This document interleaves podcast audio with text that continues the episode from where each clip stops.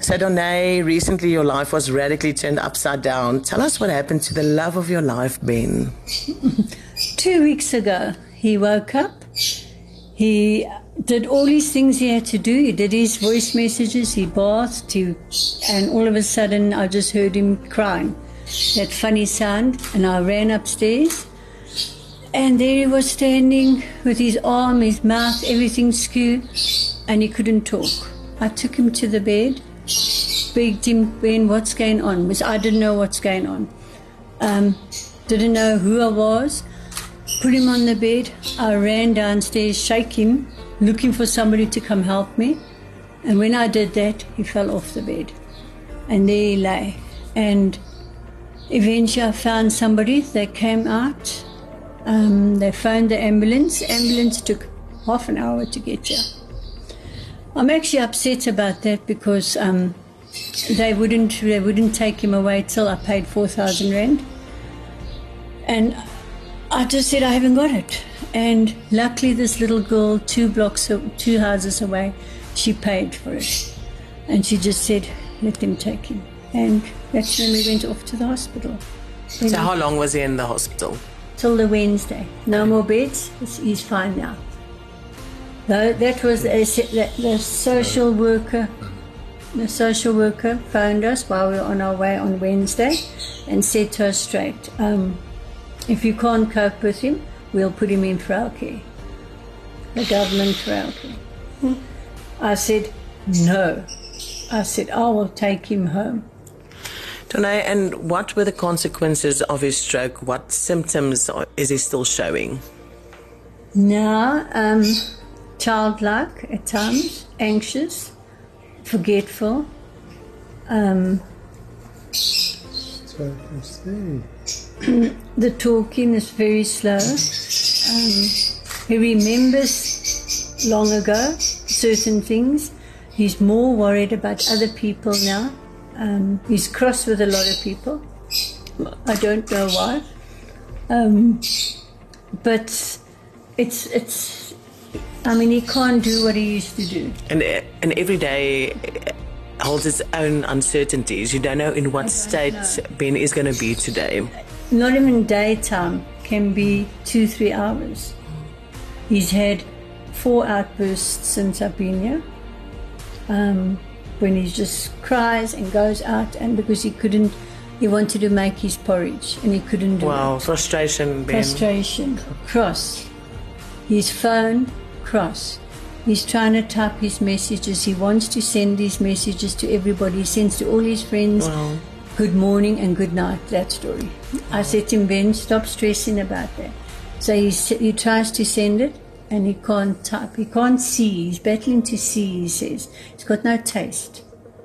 He's crossed because he can't eat. He doesn't want to eat now. All of a sudden, this is now the last two days he doesn't want to eat. He doesn't want to drink water. He doesn't like water. He doesn't want to drink coffee. Coffee was his favorite. Wow. I um, can't get the taste. no taste, he says. No taste. So I don't know what we're going to do about that. He's got to go for another scan at that famous hospital on the 22nd. Got to explain that to him. That we've got to go. He's got to get his medication now. He's on a lot of tablets. Um, I can show you if you want to know. No. Um, so we've got to go on the 3rd of March. I've got to take him now and then sit there at 7 o'clock in the morning the whole day, as we all know what yes, it's like. Yes. So, Donay and Ben, besides the uncertainty of his healing path, what other uncertainties are you currently faced with? Financial. The biggest, I think, because I used to go out and go and um, take the old people to the shops and stuff. I've had to stop that. Um, I can't leave him alone. I still I still go to Betty, the old lady, because I take him with. I did yesterday, but it was very stressful for him. For him, I could see it was stressful. Um, every day I pick up a child at school. Um, so I've got, I've got to find someone mm, to look after him. Mm. I normally take him to my friend, but it is mm. stressful for him as well. Wow. But I can't take him with and leave him in a car. That's the thing, you are trying to be proactive and. I'm trying to still get some yes, form of income yes. every month. The watches is what we lived on. Yes, so Ben was a watchmaker, and I want to ask you, like before the stroke, and you helped him with this business as well. But the last two years were also a challenge, Danae. And uh, so, what are you both most worried about, and what are your immediate needs, except for well, the finances, Finance the rent, the the rent. I mean, I can't. I the monthly expenses that has never stopped. Never mind your No, uh, circumstances. Carry Absolutely. Um, my bit of money that I get is not going to cover anything yet. It will cover the electricity maybe, which is like 300 rand a week. Eh? It's, and um, so, Danae and Ben, what are your biggest wishes? What What is your biggest I wish? want him to get better. I want him to be back to normal. That's all I want. I've prayed, I've asked. I want him to be himself. I want to be able to laugh with him. I want, like we do. We silly together. wow. He silly with me. Oh, wow. Um, the, I prayed for him. I was giving him. I said to Jesus the other day, "Don't take him away. I need him. Don't. I need him now in my life." Danae, you shared with us a special story that Ben learned you or He taught, taught you He taught me to be how a Christian. pray. He taught me. I'm still trying because now I'm cross again because um, I'm thinking he will help me. I think. Oh, don't don't get upset. Oh, wow. And he taught Brett. Wow. He's put Brett on the right road. And Brett this- is your brother. I was cross with Brett, yes. I was mm. cross with Brett. I said, Why are you getting hold of everybody trying to sort my life out? It's not your business, Brett. So I was cross with him, but he wanted to do this and he told me I have to do it. Oh, wow. What are you going to do? I said, Worry about yourself because he's got his own problems. He's got lots of problems of his own. So, Danae and, Bre- uh, and Ben, sorry.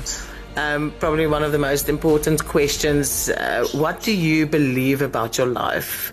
And how are you going to remain faithful and positive? God is faith is He's only He is is He's made He's given us an opportunity. I didn't see it. It's, it's I didn't think I wasn't going to live. Oh man. He thought he was going to die. God, God's given A another, second chance. another chance. Wow. So, Danae and Ben, the unpredictability of this wonderful life is what makes it so fascinating, yet filled with uncertainties.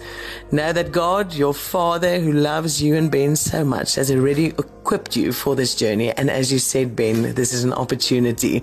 Even though one's perspective is blurred because of all the trauma and stress and uncertainties. In John 16, verse 33, he says, there will be trials and tribulations, but take heart, for I have overcome the world. Believe that He has not forsaken nor left you. He will never. Believe that He wants to see you prosper. He wants to see you yield. Believe what your Father believes about your and Ben's life. So, Donay and Ben, we would like to give you today a thousand five hundred rand Spar voucher just for relief, Yes, thank you. for groceries. Thank you. Then our friends at Ecomed Medical also heard about your and Ben's story. And they would like to contribute an amount of 10,000 rand. Sure. This is not all. They will be contributing this amount until December 2023 Sure. with a monthly payment. Sure. Thank you so much. Thank you. Uh,